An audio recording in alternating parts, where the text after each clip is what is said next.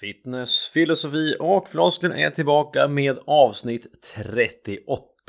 Mitt namn är Henrik Wadis och återigen gör jag ett slags försnack med er. Det här är då min solopodd som går under namnet Fitness, filosofi, floskler som är år två på en folkrörelse att samla människor runt teman som friskhet, styrka och frihet. Förra veckan fick ni träffa min själabror och radarpartner Andreas Holm och vi snackade Operation Speedo Torpedo som drar igång nu första mars. Det här avsnittet släpps på torsdag morgon 29 februari på faktiskt skottårsdagen. Så hör du det här och det inte blivit 4 mars ännu så finns det kanske fortfarande en plats kvar i Speedo Torpedo. Om du är villig att göra jobbet och är intresserad av jobbet att komma i din bästa badbralleform 2024. Vad mer kan man säga? Det här växer ju fram ganska organiskt vad podden är. Det är ett slags processbaserat lärande där varje vecka får jag utmana mig själv att leverera i tid poddavsnitt rätt ut i era öron med gäster som förhoppningsvis bara blir mer och mer intressanta. Däremot efter det här avsnittet är det mer hållbart för mig att gå tillbaka till avsnittssläpp varannan vecka Pending a few life factors förstås. Andra kul ting är att Crossfit Open drar igång årets inom citationstecken stora fest i Crossfit-världen. Och kanske att jag kommer plocka mer gäster därifrån. TBD to be determined. Alla gånger du har intressanta gästförslag, skicka dem till mig. Så kanske just personen du skulle vilja höra från dyker upp i detta poddformat. Dagens avsnitt växte faktiskt fram som en idé sakteligen i mitt huvud under det gångna året. Marek är en vän till mig och PT-kollega till mig som sen i sen vuxen ålder valde att börja plugga psykologi på universitetet. För att han är intresserad av människor och att förstå människor. Hans stora område är kanske just personlighetspsykologin och vilka utfall det får bland annat på hur människor röstar i politiken. Och särskilt nu när jag har jobbat med träning och hälsa på heltid har jag tänkt på Marek. För många gånger undrar jag om jag själv och människor jag tränar kanske helt är utlämnade till personlighetspsykologi för att lyckas. Hur är det egentligen med så kallade personality traits? Som kanske conscientiousness, samvetsgrannhet som ju jag förstår ska korrelera med disciplin, målmedvetenhet. Eller med personlighetsdrag som neuroticism eller tendenser till ängslighet. Och hur just kanske dessa olika personlighetstraits får olika utfall på de resorna vi gör med träning är det helt enkelt upp till gudarna vem som lyckas och vem som inte lyckas. Hur mycket kan vi förändra oss själva? Så någonstans här ville jag ha ett samtal med Marek som är en av de klokare och faktiskt mer utbildade människokännarna jag vet. Dagens avsnitt berör helt enkelt träning och personlighetspsykologi.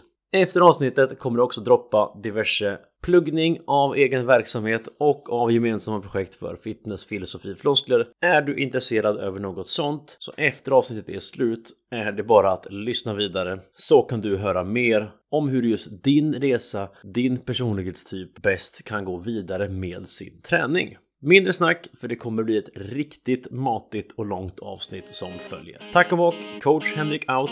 Vi hörs i eftersnacket. Välkomna till Fitness, filosofi och floskler. Din podcast om träning och den ädla konsten att leva och vara frisk. Med er värd, Henrik Valis. Yes, kära lyssnare. Välkomna tillbaka till Fitness, filosofi och floskler podcast med mig, er värd Henrik Valis.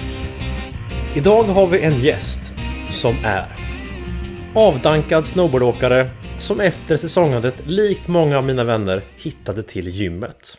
Longboardentusiast som åker nerförs i obekvämt branta backar. Examinerad biomedicinare från Högskolan i Halmstad som uppfunnit fler kosttillskottscocktails än någon annan. En gång i tiden den manliga exotiska dansaren Magic Marek ur gänget Halmstad City Strippers. Författare av många träningsartiklar och någon som kan diskutera på internet utan att tröttna. Personlig tränare med över ett decenniums erfarenhet av att träna andra. På senare år har han tagit sig en mastersexamen i psykologi men det är bara en av hans uspar som tränare. Straight Ara Hisingen, Göteborg. Marek Berent, välkommen! What up? Vill, vill du fact-checka? vill du factchecka inledningen? Är den... Nej men den, eh, eh, jag, jag, jag tyckte det stämde nog eh, hyfsat bra. Jag tog ju både en kandidat och en master i, i psykologi efter, efter Halmstad. Det var ju tre, tre titlar. Jag hade kunnat ta en fjärde för att jag tog eller höll ju på att ta en magister i, i Halmstad också i biomedicin. Det var kring den tiden då jag hade börjat skriva för Träna Styrka, eller som numera är träningslära. Uh, och börjat jobba som PT och uh, så det var andra grejer som kom emellan. Så jag inte gjorde, gjorde klart själva uppsatsen. Men du hann i alla fall uppfinna en anti-hangover kosttillskottscocktail sägs det. Framförallt med den här publiken och de som har lyssnat på den här podden ska ju verkligen inte ta på mig all creds själv. Det var ju, det var jag och Opti Holm eh, som, som, som tillsammans kollade på det och att jag tror att han gjorde mer i det där. Sen har man liksom fortsatt gräva i det och, och kolla sen när det kommer fram nya, nya ingredienser och olika grejer som, som kan hjälpa mot det. Men det så, så, så, jag skrev ju bland annat en artikel om det för tyngre. Men det vore väl högst oetiskt att sälja ett sätt att kröka utan att vara bakfull? Ja, för någon som är eh, så pass dömande som eh, du. för någon vars, vars eh, personlighet drar en till en skarp kategorisering av saker och ting så är det nog lätt att eh, tycka så. Just det. Men på tal om eh, personlighet. Jag tänker att dagens tema kommer vara idag just träning och personlighetspsykologi. För ibland undrar jag i mitt tränaryrke och liksom i min praktik med att träna om det är så att det är predisponerat vilka som kommer att lyckas inom träning och hälsa och vilka som inte gör det. Det är någonstans den avgränsningen jag tänker och jag är också beredd på att det här samtalet kan bli frustrerande långt men vi ska försöka hålla oss på dryga timmen. Mm. Låter det som en rimlig avgränsning? Mm. Låter bra. Bra. Innan vi drar igång kan vi få en liten origin story. Hur blev en ung man med konstigt efternamn en idag inte allt för ung man längre som arbetar som personlig tränare och med ett stort intresse för eh, personlighetspsykologi och diskuterar på internet med mera? Ja, det började ju att eh, jag var ute och lekte på min stora herrgård och så fanns en brunn där som jag ramlade ner i.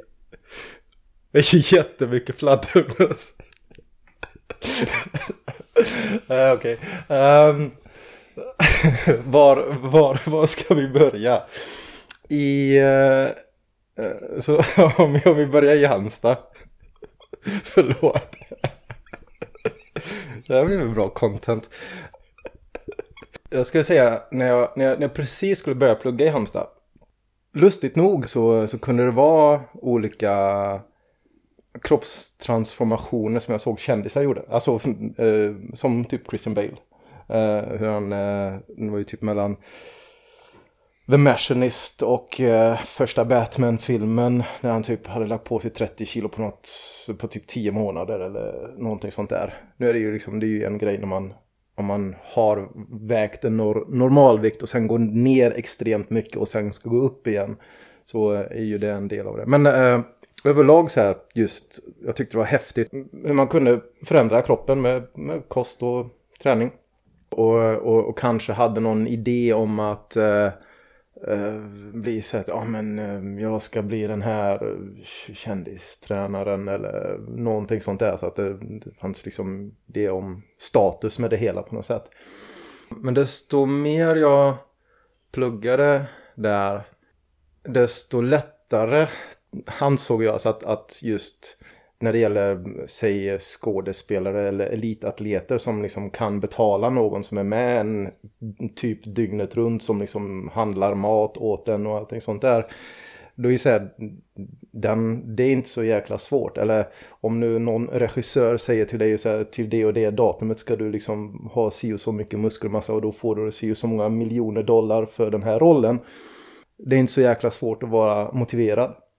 Så desto det som mer jag pluggade, det som mer märkte jag att men det, det kanske riktigt intressanta är det, det är snarare på häl, så ska man säga, folkhälsofronten typ. Alltså hur får gemene Svensson ihop livet med liksom barnjobb och träning och liksom eh, hela, hela den biten. Så min, min approach har ju sen blivit mer eller mindre att, men, vad, vad är minimum effective dose?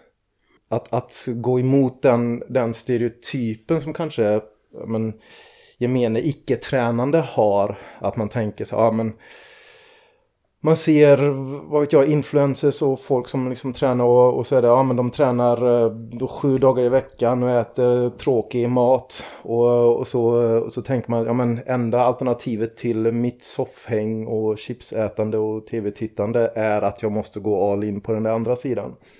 Och att då kunna, veta, eh, kunna, kunna visa att Alltså om du bara liksom har lite tanke bakom grejerna. Om du kan komma iväg till gymmet två, tre gånger i veckan. Alltså framförallt någon som inte har tränat alls.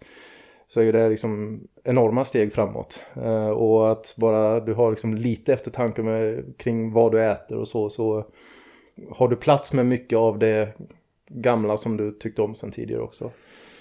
Här märker jag ju lite annan approach och lustigt nog så är ju Marek och Magnus ganska nära i namn.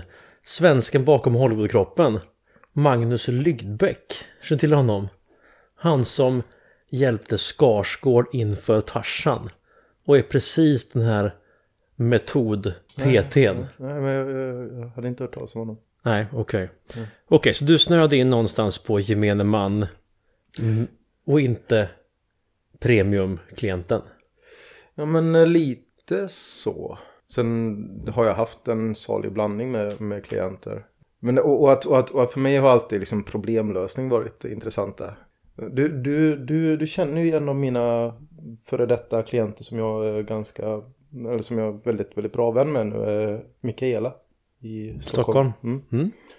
Och som kan ha en, en, en udda autoimmun sjukdom. Sånt tycker jag är kul. Alltså, det är lite, ska man säga, sena tonåren, tidiga, ska man säga, 20 och lite över där. Så var ju min stora idol var ju typ Dr. House.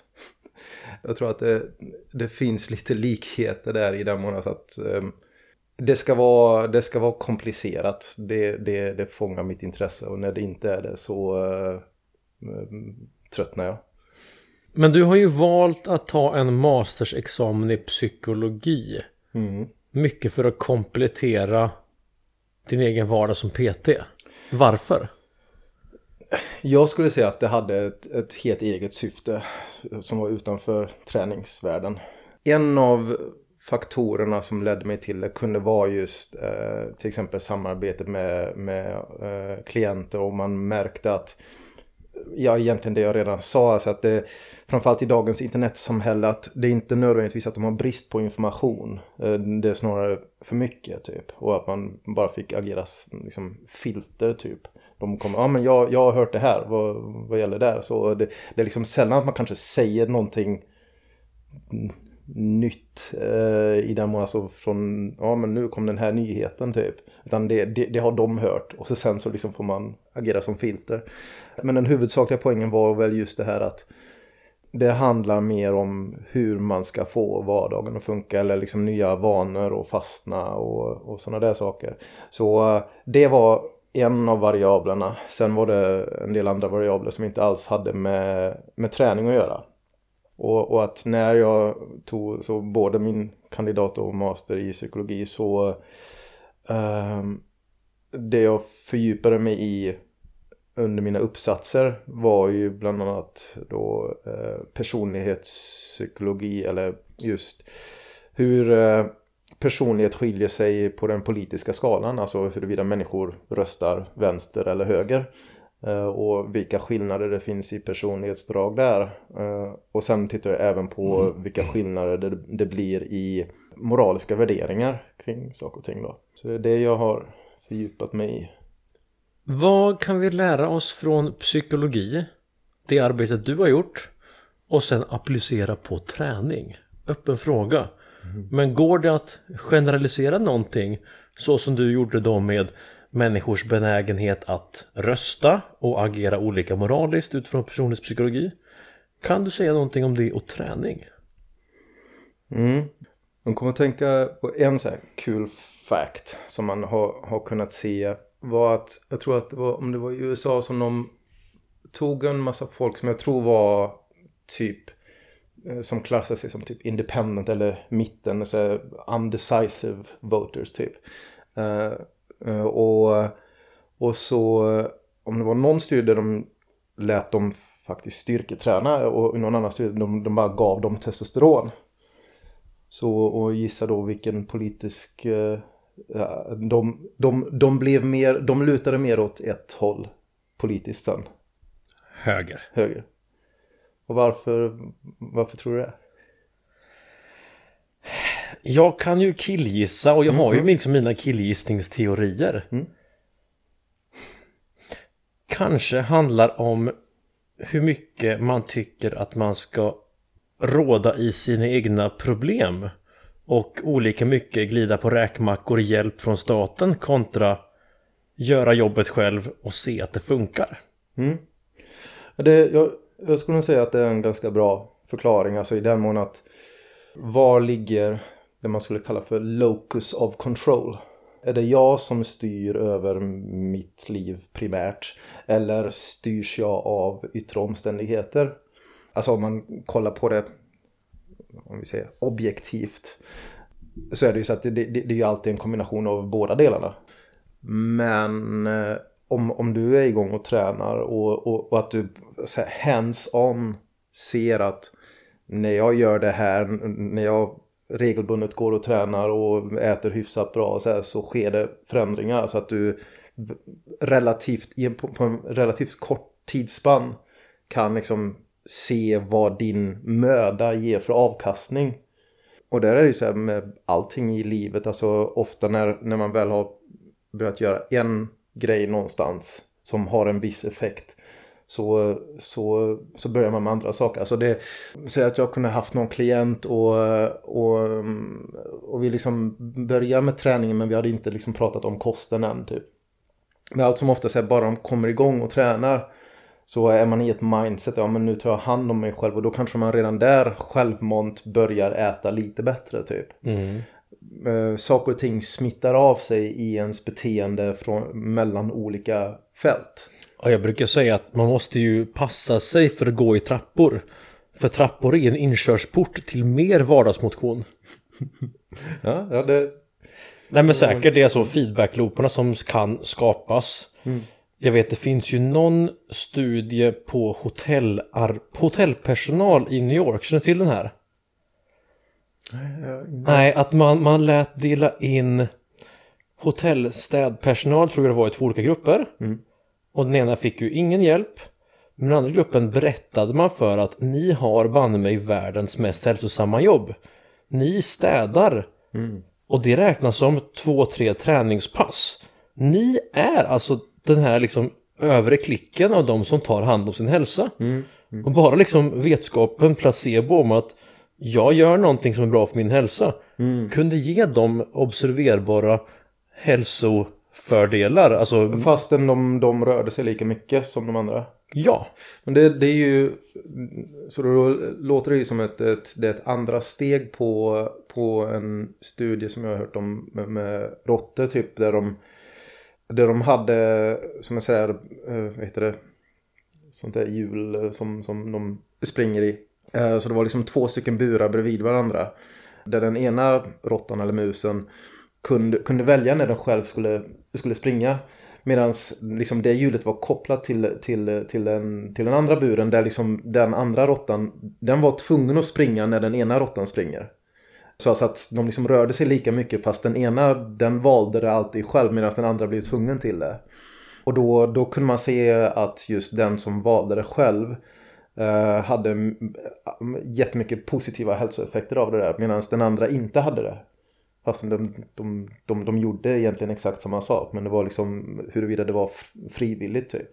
Så att om du där kan, som i det caset som du, du beskrev där, att man kan framea det på ett sätt där man som en, det här är någonting bra. Alltså det, det där kommer jag ihåg när, när, jag, när, jag, när jag pluggade i Halmstad och jobbade extra på, eh, på ett eh, DHL-lager. När man bara liksom var, var på bandet, och plockade av paket och lägger in det i burar och så bara du bara går och bär paket i typ fyra timmar. Framförallt om det var på liksom våren och man ändå skulle typ deffa. Så var det så, men typ eh, här får jag liksom betalt för att jag liksom eh, bara går en massa. Så att eh, som jag kanske ändå hade velat göra. Så det var, det var ju win-win. Så länge man fick liksom lyssna på poddar. Eh, det, det, det försökte de förbjuda ett litet tag men det sket alla i. Men jag tänker vi kan ta det något steg mm. längre här då. Om vi ska kunna prata om personlighetspsykologi och träning, alltså inte bara liksom så som vi gjort nu med placebo, carry-over-effekt och sånt där. Finns det någon form av liksom teori vi behöver? Men om jag undervisar språk så vill jag alltid att mina elever ska kunna hålla isär ordklasser, satsdelar för att liksom bäst kunna ha samma språk. Kan du förklara personlighetspsykologi med liksom mm. Big Five eller vilka teorier du använder helst? Mm. Så om vi börjar med vad, vad personlighet är så är det ju liksom någonting som man anser är stabilt. Så alltså att det är stabilt över olika situationer och, och över tid. Alltså att när man är vuxen så, så, så brukar personligheten inte förändra sig något nämnvärt längre. Förutom med undantag för eh, trauman eller eh, diverse substanser. Själva personlighetsdragen så att det är som det, det, det mest kända och använda och ska man säga validerade sättet att mäta personlighet skulle vara Big Five. Och då, då är det liksom då fem stycken olika personlighetsdrag. Ehm, de, de, man, man brukar ibland förkorta det som Ocean så du har openness, eh, så det är openness to experience som är något som mäter huruvida du tycker om att eh, uh, såhär, udda människor, abstrakta idéer, konst, musik, såhär, tänka utanför boxen typ. Sen uh, C står för conscientiousness, brukar till svenska eh, översättas uh, till uh, samvetsgrannhet. Och det det finns en, en ska man säga, populärvetenskapligt begrepp som, som kallas för grit. Det, det är typ det, alltså att du, du, är, du är målmedveten, du är ordningsam, du ser till att avsluta dina projekt och, och sånt där. E uh, står för uh, extroversion och det känner de flesta till om man är extrovert eller introvert. Om du liksom eh, gillar att, att vara center of attention och är väldigt social, snackar lätt med all, allt och alla eller om du är eh, introvert och är mer liksom i dina egna tankar liksom.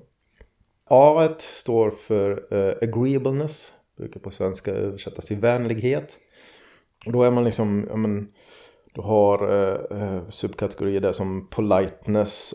Du, du är mer medgörlig så någon som är väldigt högt i agreeableness brukar kanske av arbetskollegor se som så här, men det här är, det är en riktigt skön arbetskollega. För att den liksom alltid, om man liksom har något problem så ställer den alltid upp och hjälper till. Så här.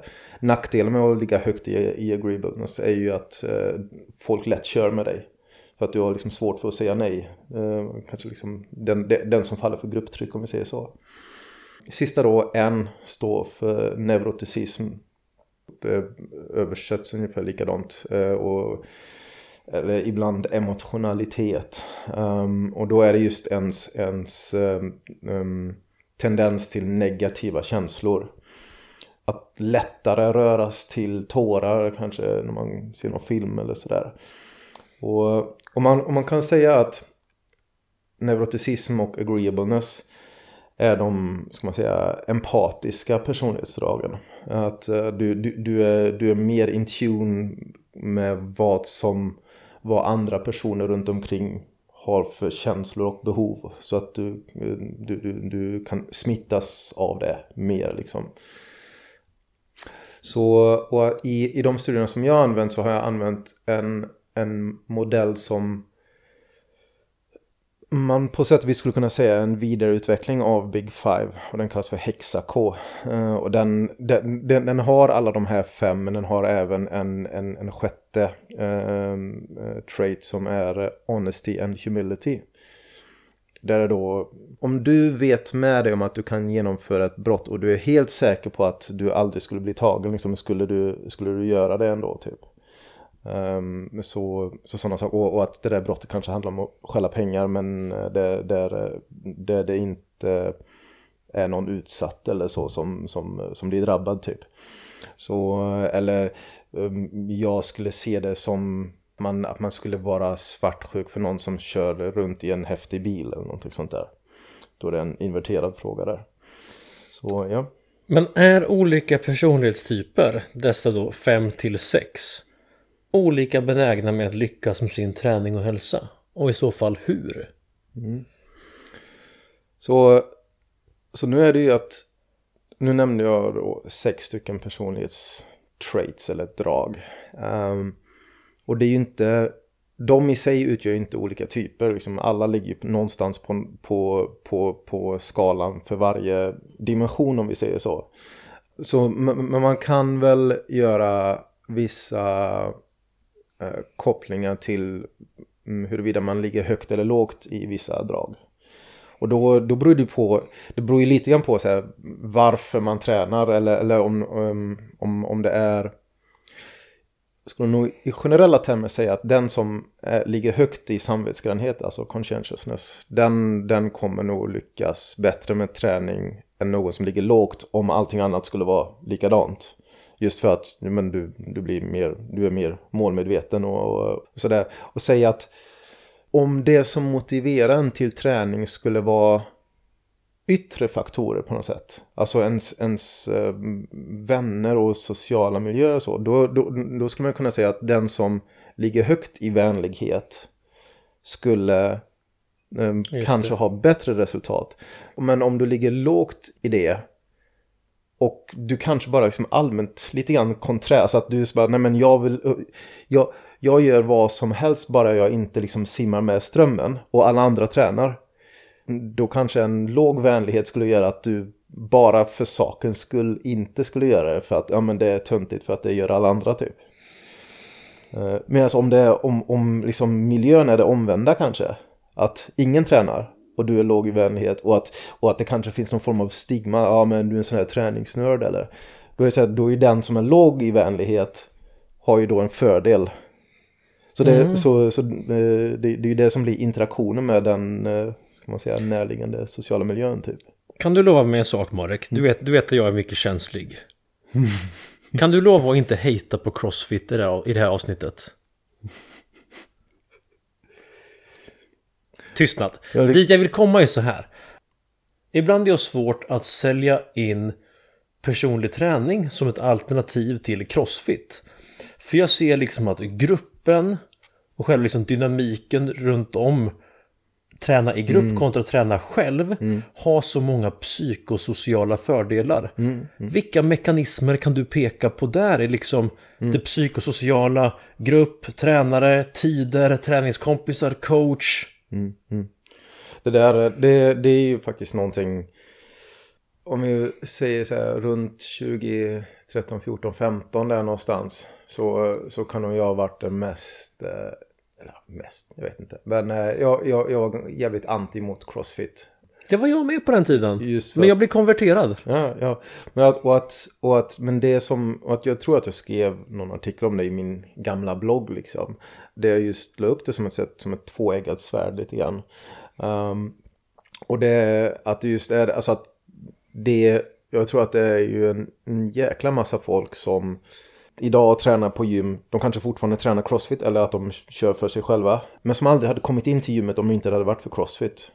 Som kanske liksom höll på med lagidrotter eller olika grejer eh, som där, där idén av att träna själv på gym var inte alls lockande liksom. så, så genom den här samhörigheten och där det finns något fenomen vars namn jag inte minns nu men som, som är det här med att när, när, när personer tillsammans går igenom någonting traumatiskt alltså, säg alltså någon sån flygplanskrasch eller någonting sånt där när vi, om vi drar det till, till extremen så, så tenderar de till att bli väldigt sammansvetsade typ. Och jag tror alltså att, att du har en miniversion av det där när det gäller alltså att när du kör en, så vad kallar det när man, liksom är, när man är två, två stycken, alltså när man kör någon wood i par. Teamwood. Teamwood, ja, ja, ja, ja, ja. Du ser liksom hur pass oinsatt jag är i liksom crossfit-världen. Men att det är då att du tillsammans med någon går igenom någonting riktigt jobbigt.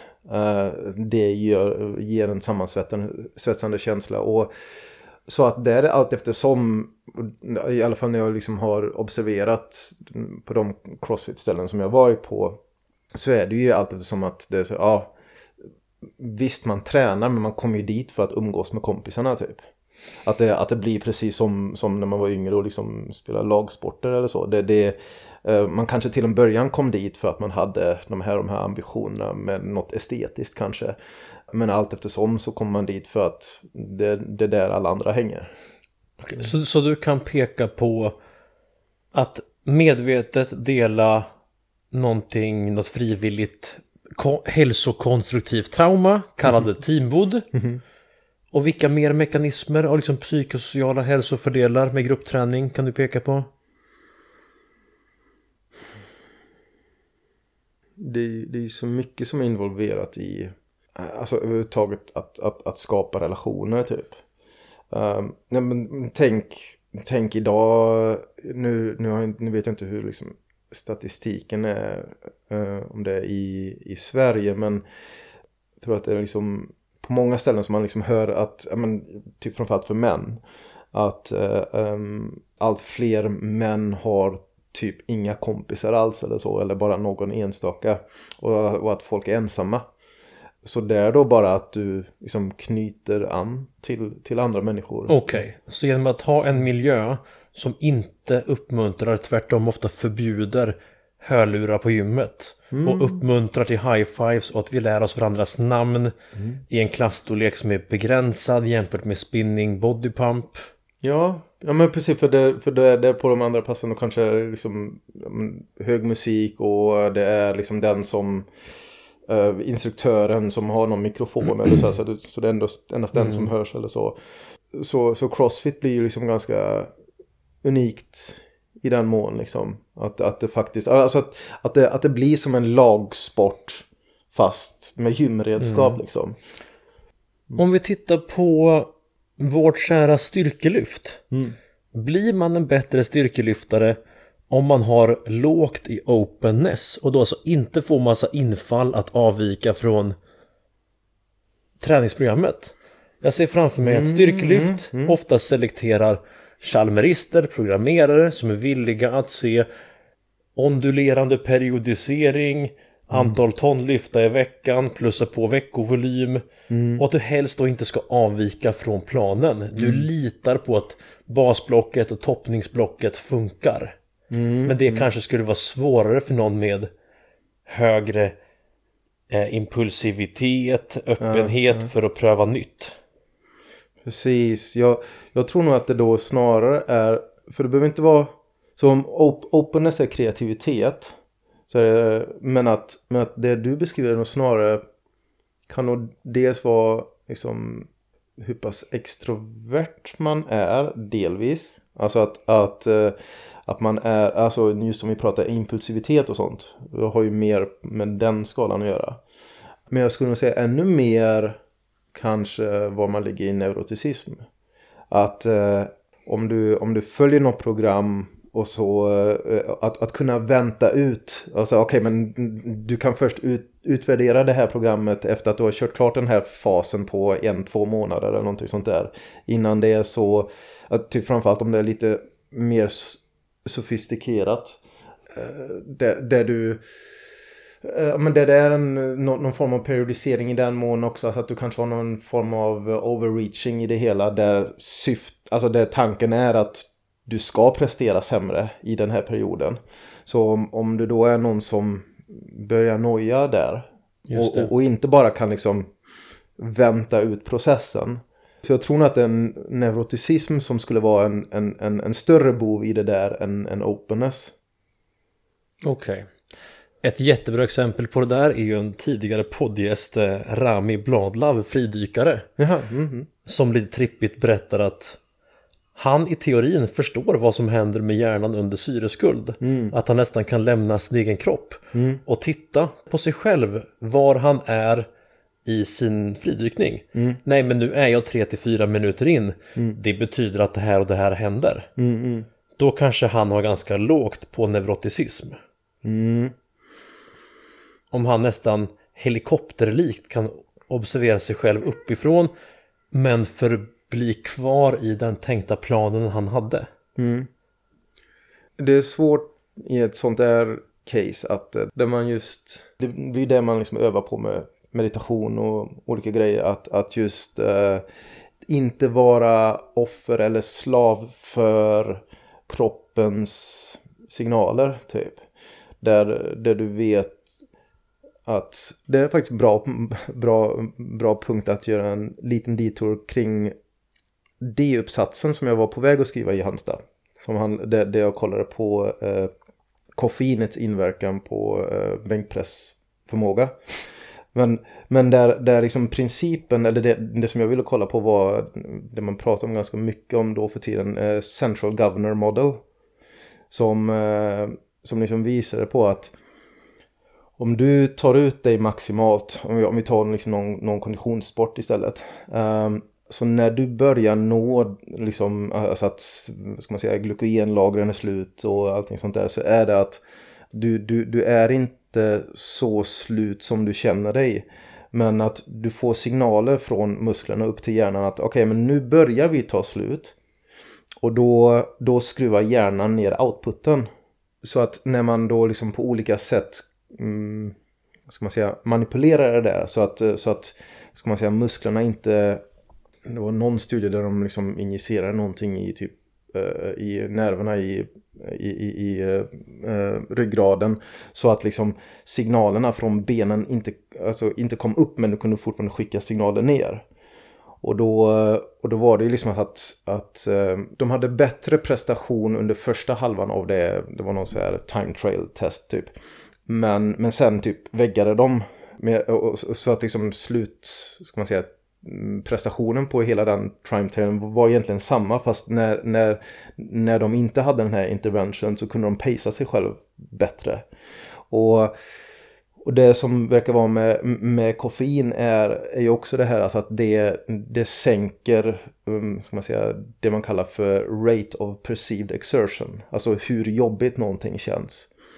Så, så, att, så att det är då att, att så det jag vill liksom knyta ihop med det vi pratade om innan var ju så att det var kroppen nu råkar tala om för dig i stunden som liksom är en varningssignal i att men nu börjar vi nå vårt slut. Det, det, det kan vara ganska långt ifrån det faktiska slutet. Mm. Eller en, ett annat exempel är det här man har hört stories om eh, typ någon mamma och hennes barn är i någon bilkrock och så, och så, och så kan hon komma ut men barnet är typ fastklämt och så, liksom, så kan hon typ lyfta upp bilen och liksom dra ut ungen typ. Det finns sådana case stories men att det, det som också tenderar till att ske där är att det var liksom någon som typ när den gjorde den här ansträngningen så liksom bet den sönder sina egna tänder. Alltså att det blir en sån anspänning så att, så att du har ju vissa liksom, säkerhetsmekanismer som finns där för att du inte ska ta i så mycket så att du skadar din egna kropp. Men när det väl är om liksom, liv och död så kan du overrida det där. Och det är lite grann vad eh, koffein gör. Eller, eh, eller folk som, som jag liksom vissa i gymvärlden som liksom tänker att ja, nu ska jag maxa i det här lyftet och att man liksom försöker på något sätt provocera fram mörka tankar. Ja, tänk om någon kär liksom råkar ut för något. Alltså att man liksom försöker samla upp någon, någon form av ilska typ. Men om vi spinner vidare på mm. det här då. Om vi kallar det här liksom att alla av oss kan bli bättre på respektive moment. Vare sig det är eh, löpnings time trials eller bänkpress med utan koffein. Att det då är liksom är specific adaptation in demand. Vi blir bättre på det vi tränar på. Men hur mycket skulle liksom personlighetspsykologi spela in på att vi faktiskt kan utvecklas? Har olika personlighetstraits liksom någon slags utfall på hur väl rate of perceived exertion och faktiskt exertion skulle hänga ihop? Går det att säga någonting sånt där eller kan du generalisera utifrån det du vet om personlighetspsykologi och annat? Alltså det så, så nu så spekulerar jag men att eh, tänker att dels än en gång neuroticism det är negativa känslor och att det är nog också kopplat till smärta typ. Så att eh, om, om du jag, jag skulle tro att den som ligger lägre i neuroticism kan pusha sig um, till en högre smärtgrad än den som är hög. Uh, för att den, alltså även om de Smärta är ju alltid en tolkning av hjärnan. Uh, men, men om vi säger liksom Om vi skulle säga på, på du, du liksom tar någonting varmt och sätter mot huden på någon eller, och, och det där gör de ibland liksom i olika studier så att de får lägga handen på någon värmeplatta typ eller någonting. Och att det är samma temperatur och allting sånt där. Eh, men att den som ligger högre i neuroticism kommer uppleva det som mer obehagligt än den som inte gör det. Och så sen om du då, om, framförallt om det är någon form av tävlingssituation då. Där så här, säg att jag och du skulle, skulle göra det och så säg att vi gör det samtidigt, vi kan liksom kolla, kolla på varandra. Då skulle den också säga så att men den som har högre samvetsgrannhet, den som är mer tävlingsinriktad så, eller kanske liksom större ego. Nej men det, det, den, den, den skulle klara sig bättre. Ehm, Så det här med tävlingsinstinkt kommer generellt från conscientiousness, samvetsgrannhet ja, sen kan den också vara, eh, framförallt om det är i kombination med låg vänlighet kanske. Alltså som är ju så här. Ja, i och för sig. Det, det beror ju sen då på om det är en lagsport eller inte. Ja, jag skulle säga att conscientiousness är nog... Eh, det skulle förvåna mig om det är ett annat personlighetsdrag som, alltså om man ser över alla möjliga sporter som, som skulle ha en, en, en större effekt än vad conscientiousness gör. Kan vi ta det här en gång för alla? Hur fungerar det med arv och miljö?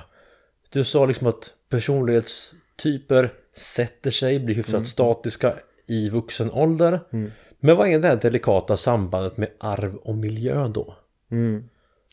Så eh, man har ju via, via bland annat här tvillingstudier eh, säger att det är, liksom, det är tvillingar som föds men som adopteras bort och så kanske de hamnar i olika, olika familjer. Så har man, har man kunnat se eh, att, att eh, alltså personlighet i regel kan man beskriva som att det är 50% genetiskt. Sen är det ju att om du tänker dig att Mm, om vi bara liksom hittar på lite siffror. Så, tänk att varje, varje skala skulle vara från, från, från 1 till 10. Och att du mm, föds med en vad ska man säga, blueprint för att ligga på 6 i conscientiousness. Men, men du har ändå eh, som en sån här mm, som typ standardavvikelse eller som någon sån här fel, fel eh, wiggle room typ. Att eh, där, där, du, där du kan träna dig själv till att bli mer eller mindre conscientious. Men om du är född som en sexa så, är, så kanske det ska mycket till att du skulle komma ner till ett eller två. Men det är inte omöjligt att du kan liksom jobba dig upp till en åtta typ.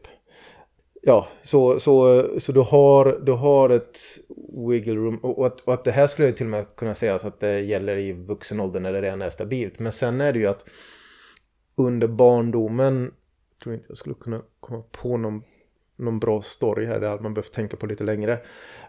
Men du kan ha eller du kan ha två personer som har eh, samma, ska man säga, layout eller liksom blueprint när det gäller personlighet. Men du sätter dem i olika miljöer. Och där kommer de, om, om, om du har någon som är, ska man säga, jättesnäll och vänlig men, men som blir liksom eh, hemlös som barn och liksom eh, behöver liksom växa upp i Brooklyn på gatorna typ eller någonting.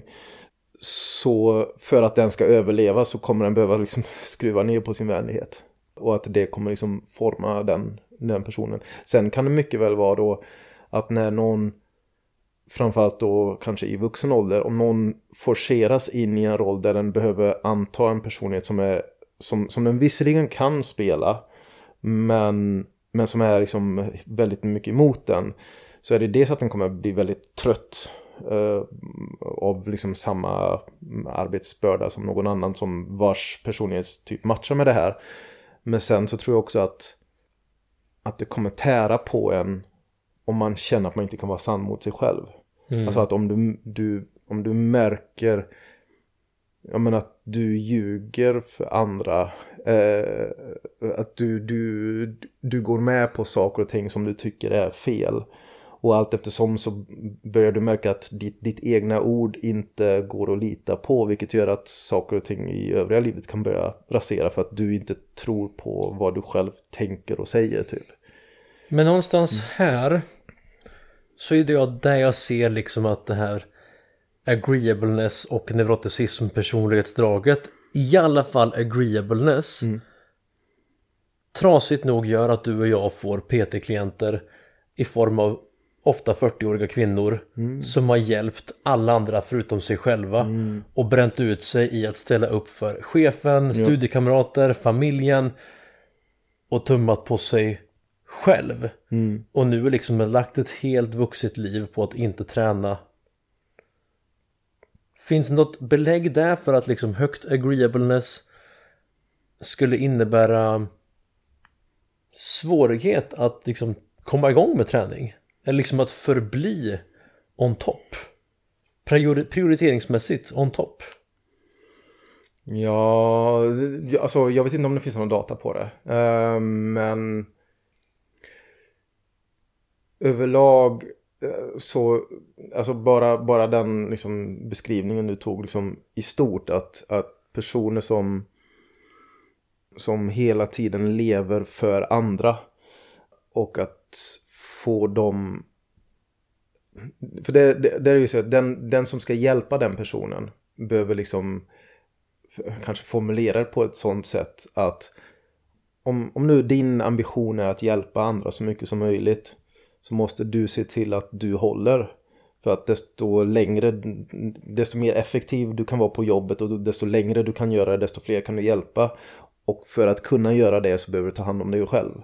Mm. Så, så jag tror ju att som jag sa liksom i någon, någon fråga innan så att det, det, det beror ju på liksom hela kontexten runt omkring. Och ganska så, ofta, ja. rätta mig om jag har fel, så brukar väl ofta vård omsorg, pedagogiska yrken, selektera dem med kanske lite högre empatisk förmåga. Som ja. då i sin tur, omkopplat med agreeableness, kan dra ner människor i skiten. Och säkert är överrepresenterade i viss eh, ohälsostatistik, utbrändhet etc. Mm. Jag tror ju att så ja, ja det, kommer, det kommer vara bökigare och att det kommer vara, eh, alltså beroende på vilken kontext hon befinner sig i just nu. Um, men att, eh, ja precis, alltså typ framförallt när, när hon väl har börjat och att märka att Framförallt om typ neuroticismen är liksom hög också. Vilket, alltså det, det, det är ju, det kanske man skulle ha nämnt, alltså att Vänlighet och neuroticism är ju de två personlighetsdragen som också skiljer män och kvinnor mest. Att kvinnor ligger högre i vänlighet och neuroticism. Och att man kan liksom se det som att man kan säga att personligheten är mer, ska man säga, tunad för avkomman än för kvinnan själv. Att, Utveckla. Att uh, du, uh, så, så att om du tänker någon som är hög i neuroticism till exempel som kanske ser eh, som har en högre eh, eh känslighet för potentiella faror. Så eh, man kollar genom lägenhet, ja ah, men där är spetsiga mm, hörn på ett, på ett bord som, som liksom ett litet barn skulle kunna slå sig i. Och, och sen kanske du liksom följer med en massa, alltså du kanske har sett så här memes eller klipp på där det är liksom någon pappa som liksom har en bebis och liksom kastar upp den i luften och så typ mamman står i hörnet och liksom skriker typ. Det, det är ju så att man liksom, man, man är extra känslig för faror. Vilket när det gäller små barn är bra. Alltså att det är hellre att du har ett överkänsligt larmsystem än ett för, för okänsligt sådant. Um, nu kommer jag att tänka på vad det var jag tänkte innan angående vänlighet så var också det här att det som man som coach eller säg de som jobbar i vårdyrken och sådär um, det, är du, det, det, det, det här vänliga det är kanske det mer stereotypt moderliga liksom. Om vi säger så här så att man liksom plåstrar om andra och att man försöker hjälpa dem med att man, och man kanske hjälper på ett sätt som där man liksom gör saker åt den nästan. Man, gör, man förenklar grejer. Medan ett mer, ska man säga, stereotypt faderligt eh, omhändertagande är mer en form av uppmuntran. Alltså mer av en form av, nej men du, du klarar det här. Och att man, man kanske liksom justerar miljön runt omkring eller om det är någon övning eller så. Så att man hellre då liksom hittar någon någon lite lättare variant av, av samma övning men som liksom personen kan göra bra istället för att liksom ha den svåra varianten och där man behöver ha olika hjälpredor på något sätt. Förstår du vad jag menar? Mm. Men om vi ska fortsätta på det där. Mm. Om nu kvinnor generellt skulle ha, vad sa du, högre på neuroticism och vänlighet. Till min förståelse är kvinnor den större konsumenten av personlig träning och mm. gruppträning. Mm. Hänger det ihop där på något sätt? Gissningsvis? Gruppträning framförallt. Så, så, det, så om vi tar liksom vänlighet. Så typ någonting som du eh, som man, man, har gjort några studier på där eh, Eh, Eh, personerna skulle få elstötar eller någonting sånt där och, och, och de liksom vet okej okay, men nu kommer du få göra någonting som kommer göra ont. Uh, men uh, här, sitt här och vänta i det här väntrummet så länge. Och så, och så kan du välja att sitta där själv eller ha med dig en kompis. Majoriteten av kvinnor vill ha med sig en kompis när de sitter och väntar på, på någonting mm, smärtsamt. Medan uh, män de, de vill hellre vara, vara för sig själva. Och så, så just när det gäller liksom grupppass så, så är det nog alltså att, att, att just bli någonting socialt och att det blir någonting att ja men om jag um, om jag inte lider själv så blir det så liksom så kanske man delar på lidande på, på sätt och vis på något sätt. Mm. Medan uh, för männen uh, verkar det inte vara på samma sätt. Har olika personlighetstyper olika benägenhet att söka hjälp. Till exempel med träning, kost, hälsa, livsstil. Precis, för det här flickar in lite grann i den föregående frågan också. Att jag tror där att om du är mer vänlig. För, för att om du ligger lågt i vänlighet så är du liksom envis och konträr typ. Och eh, ofta liksom låg, låg vänlighet, framförallt om det är kombinerat med att du är ganska extrovert och kanske har en hyfsat låg conscientiousness. Det, det är liksom, eh, ska man säga, blueprinten för att du kommer bli kriminell. Och så att när du inte bryr dig om andra alls. Så, eh, och, men du liksom är, eh, är, är kanske snarare en hög conscientiousness. Alltså, så att, tänk att du är en go-getter och, och liksom har verkligen något sånt typ darwinistiskt typ survival of the fittest eh, tänk liksom det, den personen är inte den som, som liksom eh, söker sig till en, eh, till en PT. Så vi, där, där kan jag nog verkligen tänka att det blir att om man nu söker sig till någon då är det verkligen till, till eh, den, den största, alltså att det blir så här bro, eh, bro logic liksom, så här, vem är störst? Så här, att, det, att det verkligen så här, vem är min förebild liksom, okej okay, den kan få coacha mig, men ingen annan liksom. Uh, Medan liksom ligger man högre i vänlighet och, och kanske liksom kvinnor överlag, alltså där det inte finns, framförallt just kring träning, alltså om vi pratar på motionärnivå, att det inte finns så mycket stolthet på något sätt, alltså, eller ego som det kan vara för killar. Att det, det, det ses som någon form av svaghet att, att fråga efter hjälp. Mm -hmm. Så, eh, ja. Har vi olika nära till eh, personligt ansvar och eh, offerkoftor? Olika personlighetstyper. Så det här med offerkoftor, så, så det, det jag gjorde min masteruppsats om um, det, jag, det jag delvis också kollar på personlighet men jag kollar mer på moraliska värderingar. Och där, där man kunde se så att, att uh, folk till vänster nästan uteslutande grundar sin moral i eh, liksom ett samlingsbegrepp som, man, eh, som jag kallar för medkänsla. Eh, alltså engelskans compassion. Medan då högern eh, ligger lite lägre i medkänsla men den har framförallt även en, en annan eh, dimension som heter frihet. Som den eh, liksom balanserar sin, sin moral på. Och så längst ut till höger så finns det även något som heter traditionalism då. Eh, men, vad, och vad betyder liberal i sällskapet? Alltså sett i frihet. Mm, mm. För ibland försöker jag få pli, få pli på mig själv Marek. Jag ser mig själv som en vandrande motsägelse. Mm. Att ena stunden så är jag pro-ordningsmakten, tar på mig grönkläder, gör min militärtjänst. Mm. Men sen blir jag skogstokig på reglerna och vill dra på mig batik och åka mm. långbord och surfa en hel mm. dag. Så man kan ju säga så här. Eh, och att eh, liksom, vanligtvis så kanske man liksom tänker liksom, höger och vänster eh, som är liksom traditionalism, konservatism kontra typ, i alla fall i Sverige, så att man liksom snarare har liksom socialism här typ. Men att om du tänker där liksom på frihet så har du mer de som är då, alltså om du är maximalt åt det hållet då är du typ libertarian. Uh, och att, att de som är liberala, beroende på vilket samhälle du är i. Så att uh, om, du, om, du, om du är i ett väldigt konservativt, säg, ja men typ Mellanöstern där det är liksom mycket gamla traditioner och så här, det är det som styr mm, de, de, de sociala strukturerna och sådär.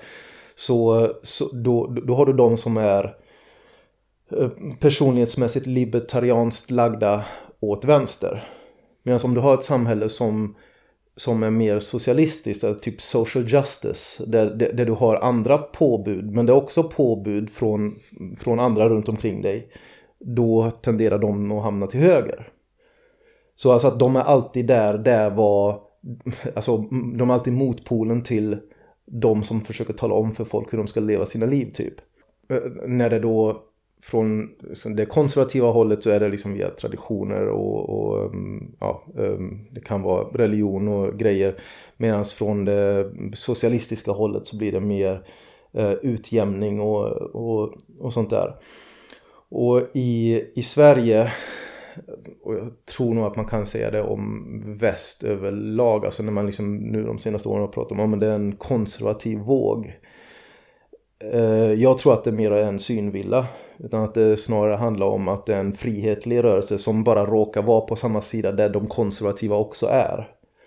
Um, så, att, så, så, att det är liksom en, ett, ett, ett, ett motstånd från att uh, du har aktivister eller politiker eller så här, som, som säger ja, men vad du ska kalla någon som har vissa könsorgan eller inte beroende på vad de själva identifierar sig som typ. Eh, då är det så att på tal om det som vi pratade om alldeles nyss om alltså att typ du, du vill inte ljuga för dig själv typ. Och där är det ju så, så, att, så att om du då tänker dig någon som, om, om, om, vi, om vi har en utveckling i samhället där, där du har starka påbud som, som ska tvinga dig, dig att prata på ett visst sätt och vara på ett visst sätt eh, som, som du tycker är, är fel. Eller att en viss diskurs som typ i Sverige angående liksom huruvida man överhuvudtaget ska prata om eh, volymer när det gäller invandring, alltså för tio år sedan typ.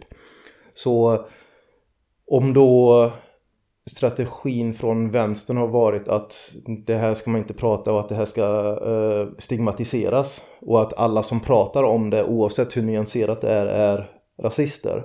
Så är det att den som är väldigt, som ligger högt i vänlighet och neuroticism som ändå liksom kanske bor i något område eller liksom ser, alltså, fast liksom jag ser ju vad som sker här.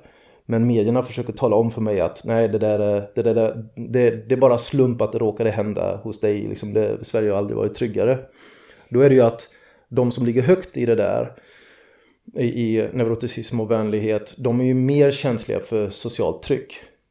Så då, då, då kanske de hänger med den strömmen. Medan någon som ligger lågt i de där är ju så här att okej, jag, jag vet vad jag tycker. Jag vet att jag inte är rasist. Eh, så att oavsett vad du säger om mig alltså så, så, liksom, så vet jag var jag står. Och då kommer de inte beröras av det så mycket. Och då kommer vi tillbaka till individansvar, locust of control, moralisk inre kompass, kanske auktoritet i sig själv. Mm. I guess. Det är ju ganska bra råd till människor att återta din egen auktoritet till din hälsa. Mm. Jag ser ganska ofta att vissa människor, kanske vissa personlighetstyper mer än andra, är villiga att lägga makten över sin hälsa till andra. Mm. Läkaren sa till mig eh, Du kommer aldrig knäböja igen.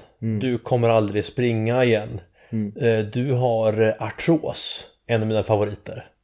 Och människor är olika benägna att acceptera domar som statiska kontra att vilja bevisa att vet du vad? Jag kan faktiskt visst knäböja. Vet du vad? Jag ska springa ett Göteborgsvarv bara för att bevisa för dig.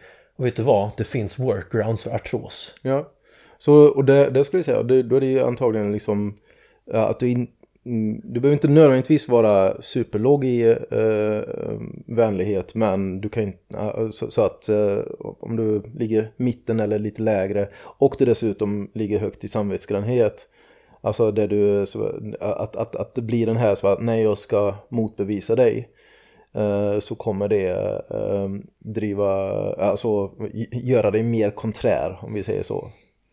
Du sa i början att trauma kunde vara skäl att förändra sin personlighet. Och Jag vet, jag har ganska svårt att nå ut till alla människor som tränare. Jag kommer inte göra det. Och för vissa människor så upplever jag att det krävs en livskris för att something's gotta give. Är det ett sånt exempel på ett trauma som kan leda till mer positiva beteenden runt träning, hälsa? Jag tror att det beror på just hur man lyckas framea traumat i så fall. Jag tror att det i många fall gör folk mer avståndstagande på olika sätt. Vilket på sätt och vis kan vara Alltså att om, om, om du eh, jag, jag liksom ser framför mig en så här stor biffig kille som liksom tränar med hoodie på typ. Där liksom gymmet, även om den är bland andra människor, men den, den försöker vara så pass själv den bara kan vara liksom. Och då, då kan ju det vara en flykt. Um, sen kan det my- mycket väl också vara att de som är som kanske vill vara sociala men som på något sätt har tappat tillit till människor. Eh, alltså framförallt, för, alltså jag börjar sväva iväg mot någon som kanske har PTSD där någon man liksom trodde att man kunde lita på någon och sen visade det sig att man inte alls kunde lita på den. Den kanske gjorde någonting väldigt hemskt mot den. Och att det som lätt sker där om man inte kan bearbeta det traumat är ju att, att man inte kan kategorisera in den händelsen eller den personen som att det var den personen som var ond. Utan eh, du, du liksom har gått igenom hela livet med att liksom kalibrera så här, ja, du läser av ansiktsuttryck och olika grejer, olika mönster i sak, vilka personer kan jag lita på, vilka kan jag inte lita på. Och så tror du att du har liksom, du har en bra karta över världen. Eh, eller över sociala interaktioner och sådär. Och så litar du på någon och så visar det sig att du inte alls kunde lita på den personen. Och då blir det lite grann som att allting raserar. Så, vilket då kanske gör att du inte litar på någon alls. Innan du faktiskt går in och, och försöker bearbeta det. Och eh, kunna kategoris kategorisera in det, kunna liksom se vad ledde fram till det där så att du kan liksom pinpointa att det är inte alla människor som är så här. Se då någon som inte riktigt har bearbetat det. Men som kanske kan gå på grupppass där det liksom är, okej man socialiserar men det kanske inte nödvändigtvis förväntas att du ska prata så jättemycket med folk men, men det blir några liksom samtal som bara uppstår av sig själv. Och det där skulle kunna vara samma sak för någon som vad vet jag, går på dansklasser eller tango eller vad det nu kan vara liksom. Vi ska, Och- vi ska försöka avsluta i sinom tid. Ja. Men jag tänker bara, du beskriver den här nidbilden av person med hoodie, luva på. Jag tänker med hörlurar, jag tänker med Sats Odenplans källare. Det speglar. Och den, personen är så mycket i sitt eget huvud som bara möjligt. Till kontrast för de här kanske mikrogymmen som jag verkar på där du tillåts inte vara i ditt eget huvud för du har ett socialt samspel att dela på en öppnare, kaosigare planlösning. Ja. Vi vill se individerna. Är jag fel ute att alla skulle må bra av en socialt interaktiv, mindre självfokuserad gymmiljö? Eller behöver kanske människor bara sitt eget space och det är bra för dem? Är jag så ideologiskt färgad av crossfit gruppträning?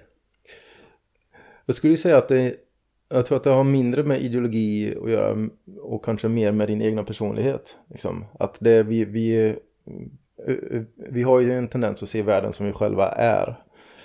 Och, det, det, det är egentligen det som ja, i, i det här fältet om liksom, politisk psykologi som, som har varit min huvudsakliga grej.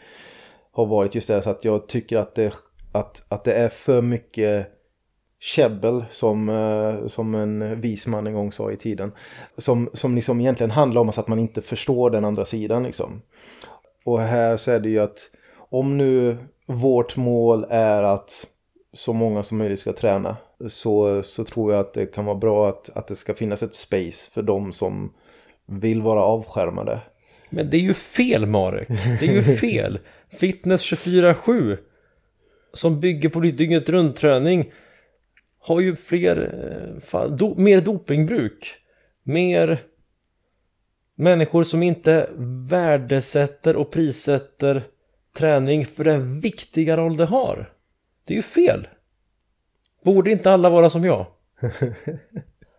Nej, skämt åsido. Men jag förstår att eh, det finns olika sätt att se på det och vårt kanske stora uppdrag är att bara locka in alla människor till träning och vi får se hur många steg man är kapabel att göra ut personlighetsutvecklingsmässigt över en livstid av träning.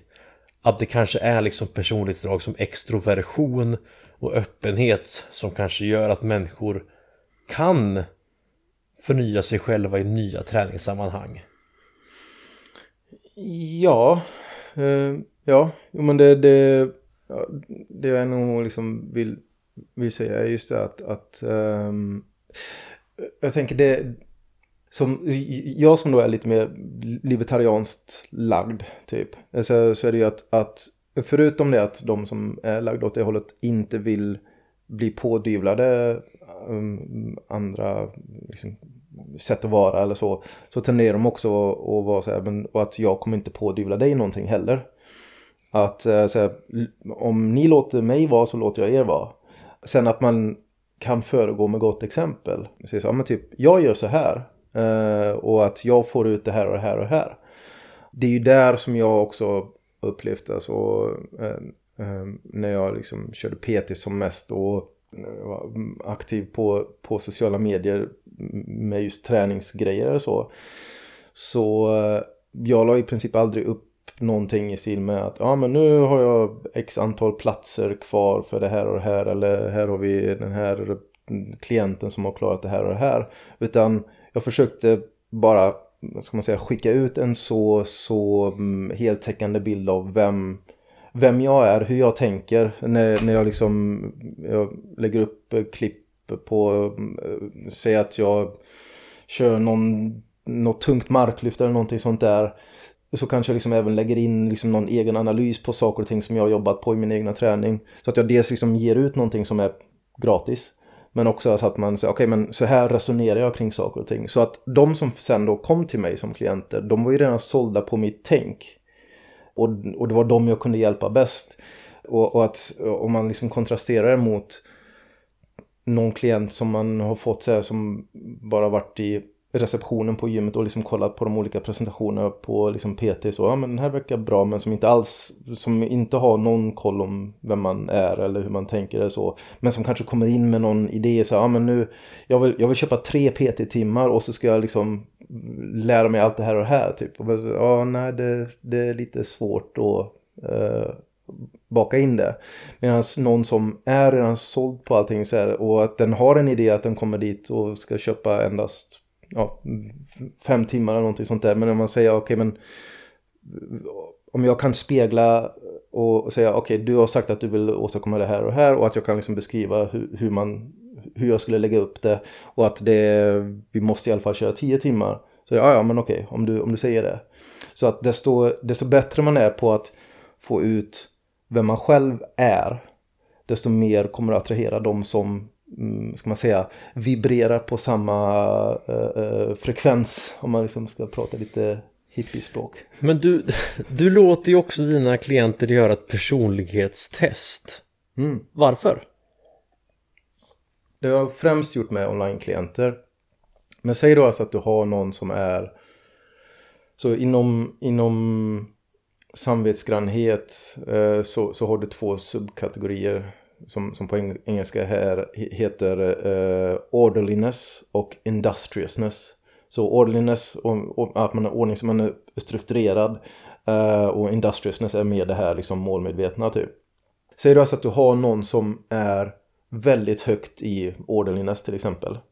Uh, det, du kan ha någon som liksom här, faktiskt liksom som själv tycker det är intressant att liksom lägga in grejer i Excel typ.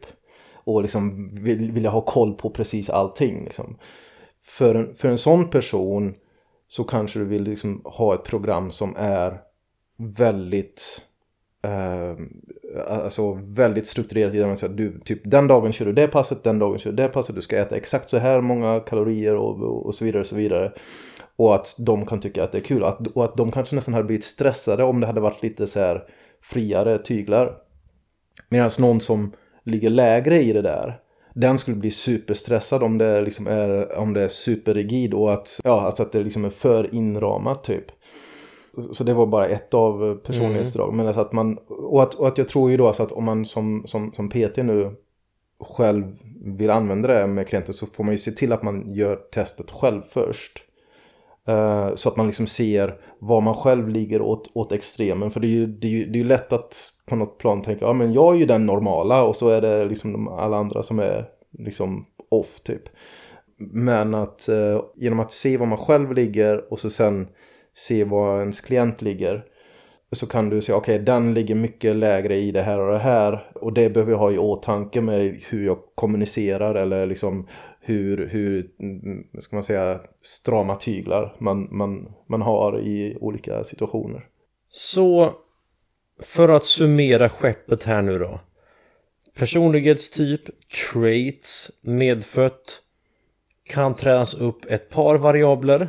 Vi som tränare gör rätt i att försöka skräddarsy individens behov, till exempel via personlighetstest. Mm.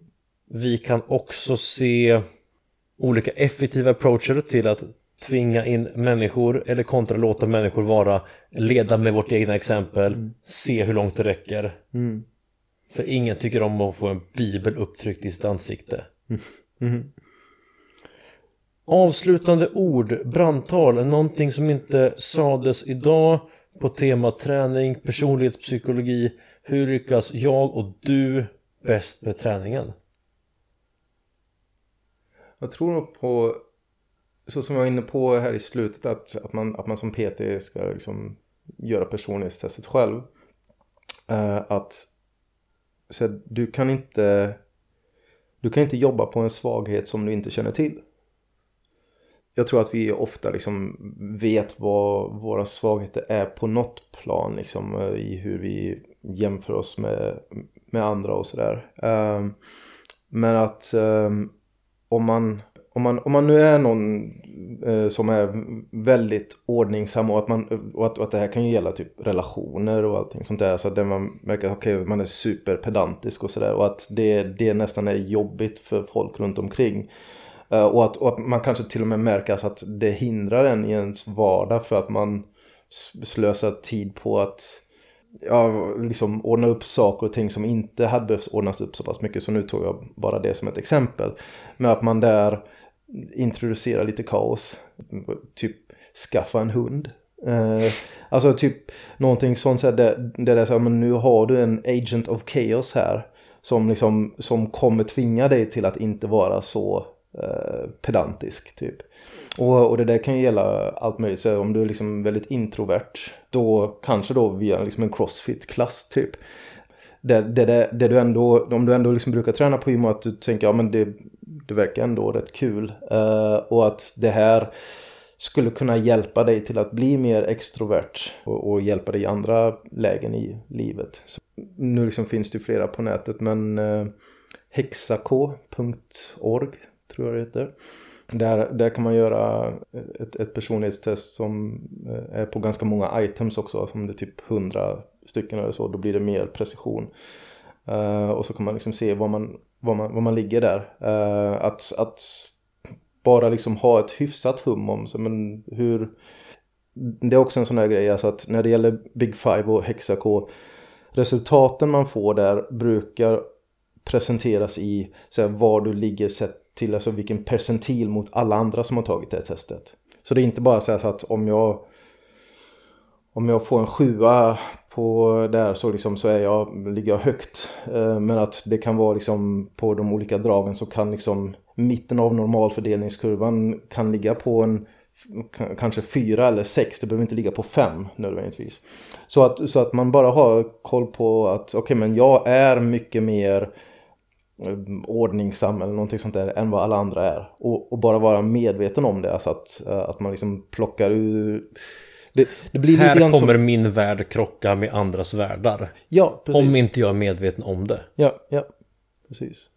Så om man ska vara då opti, komplett eller vill öva, utveckla sin personlighet så får vi kanske gräva fram i vilka vi är och sen liksom överväga en course of action vi kompletterar upp, utmanar oss för, exponerar oss för mm. miljöer där vi kanske kan hämta någonting. Extrovert, introvert. Ja, ja precis. Det kan vara sådana saker. Och att, att, och att jag tänker liksom, om man, om man tänker i opti-banor, jag tror att man ska försöka internalisera liksom det här, ja, men den här idén om den ständiga studenten. Att man bara försöker ha saker i sitt liv där jag ständigt checkar mig själv.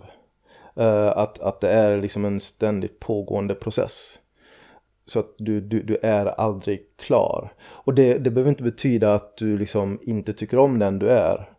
Men uh, att, man, att man hela tiden är, är öppen för um, ny input om man ska säga så. Eller, eh, för det, det, det kan ju också vara det här om, om du eh, har ett visst jobb och sen så kanske du ska skifta över till något annat. Eh, jag, jag kan tänka liksom bara en, en någon som är som någon, någon som bara har varit crossfit-instruktör som ska bli PT eller någon som har varit PT som ska bli crossfit-instruktör.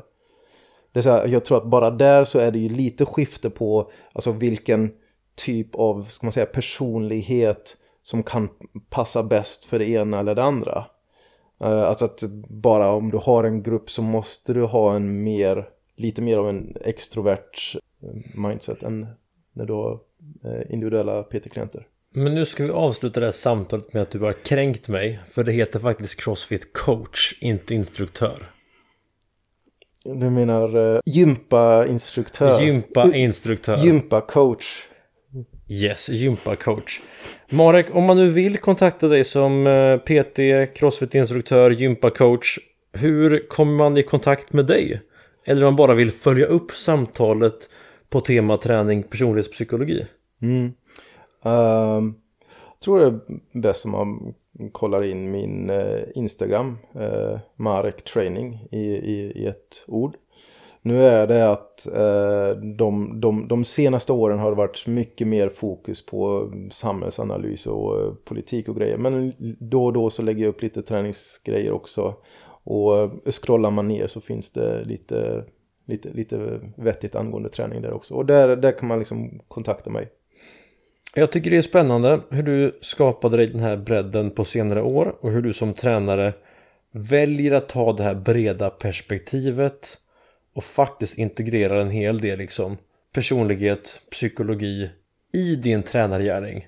Mm. Att du inte fastnar liksom vid till maskinvärlden som kanske hur man mekaniskt gör ett bra marklyft. Mm. Eller vilka makros är opti. Utan det finns fler faktorer som kanske påverkar din träning mer.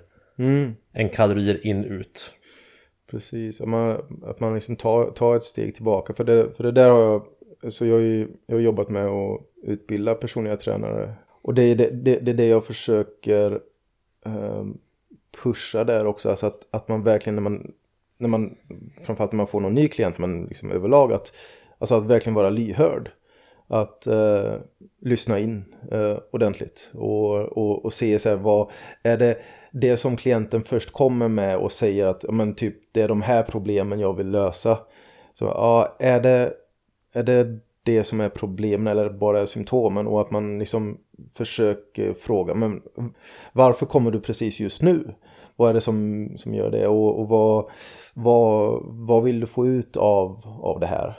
Um, så att desto, desto mer man frågar, desto mer lyhörd man är, desto mer precis kan ens um, ska man säga, åtgärder eller intervention Mm. vara.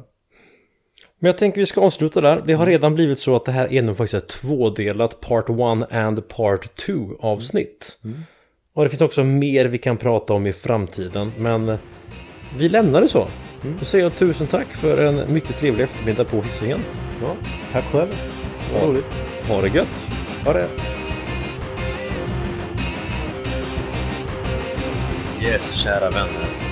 Det var alltså min vän och branschkollega och fellow människovän Marek Berent som faktiskt fick mig till mitt största skratt någonsin i poddens historia. När han på ett klassiskt Marek-manér skulle dra sin origin story och drog till med någon slags hybrid av Batman, Spindelmannen, Insert, Superhero, Origin Story of Choice och fick mig att mer eller mindre bryta ihop live under sändning. Och som vanligt när man pratar med Marek så kanske man inte alltid kommer fram till poänger. Men oftast så blir jag i alla fall lite klokare och mer kapabel att problematisera kring svåra begrepp. Kring situationer som ibland har kontextuella lösningar men kanske också kan förstås bättre på systemnivå ovanifrån. Kände du igen dig i några av de här beskrivningarna så vore det kul att höra från dig om just vad du tar med dig från avsnittet tillsammans med förstås övrig feedback eller förslag på gäster, förslag på samarbeten eller liknande. Då är det bara att skicka ett mess på Instagram at fitnessfilosofifloskler eller mejlledes fitnessfilosofifloskler at gmail.com. Du kan fortfarande ha chans att haka på Speedo Torpedo om du inte hör detta för sent. Skicka då ett mess dirr så ska vi se om det finns plats kvar och eller vi kan slänga in dig utan att du missar den kritiska uppstarten som krävs för att komma i din bästa badbralle eller bikiniform som vi väljer att kalla Operation Speedo Torpedo.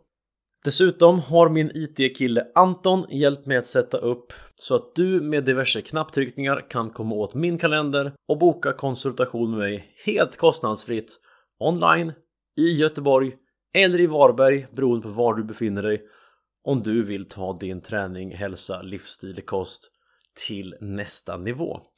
Då har du en klickbar länk i show notes så att du kommer åt min kalender och kan boka ett helt förutsättningslöst möte med mig. Jag heter Henrik Wallis och jag är personlig tränare och inom citationstecken storyteller och kör då egen verksamhet som tränare i Göteborg på Vagnhallen Crossfit och i Varberg på Varbergs Atletfabrik samt då online.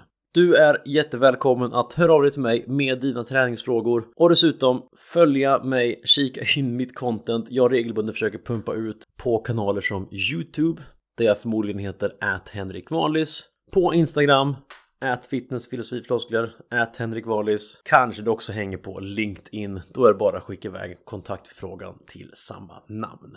Våren är strax här. Det är riktigt efterlängtat. Hoppas ni har gjort arbetet under vintern för att kunna njuta och leva lite mer och njuta på av friska ting såsom utomhusliv, träning, tidig uppstigning, möta soluppgång och allt det där ljuvliga som faktiskt hör våren till. Om du har gillat avsnittet, lämna en review, skicka det till en kompis, interagera lite grann så ser du till att din input blir konstruktiv output, a.k.a. skapa mer, konsumera mindre och alla andra floskler du kan tänka dig. Mitt namn är Henrik Wallis och jag säger tack och bock från Fitness Filosofi Floskler. Vi syns igen om två veckor. Hasta luego, salam aleikum, take care, ha det gött, hejpa, ciao, coach Henrik out.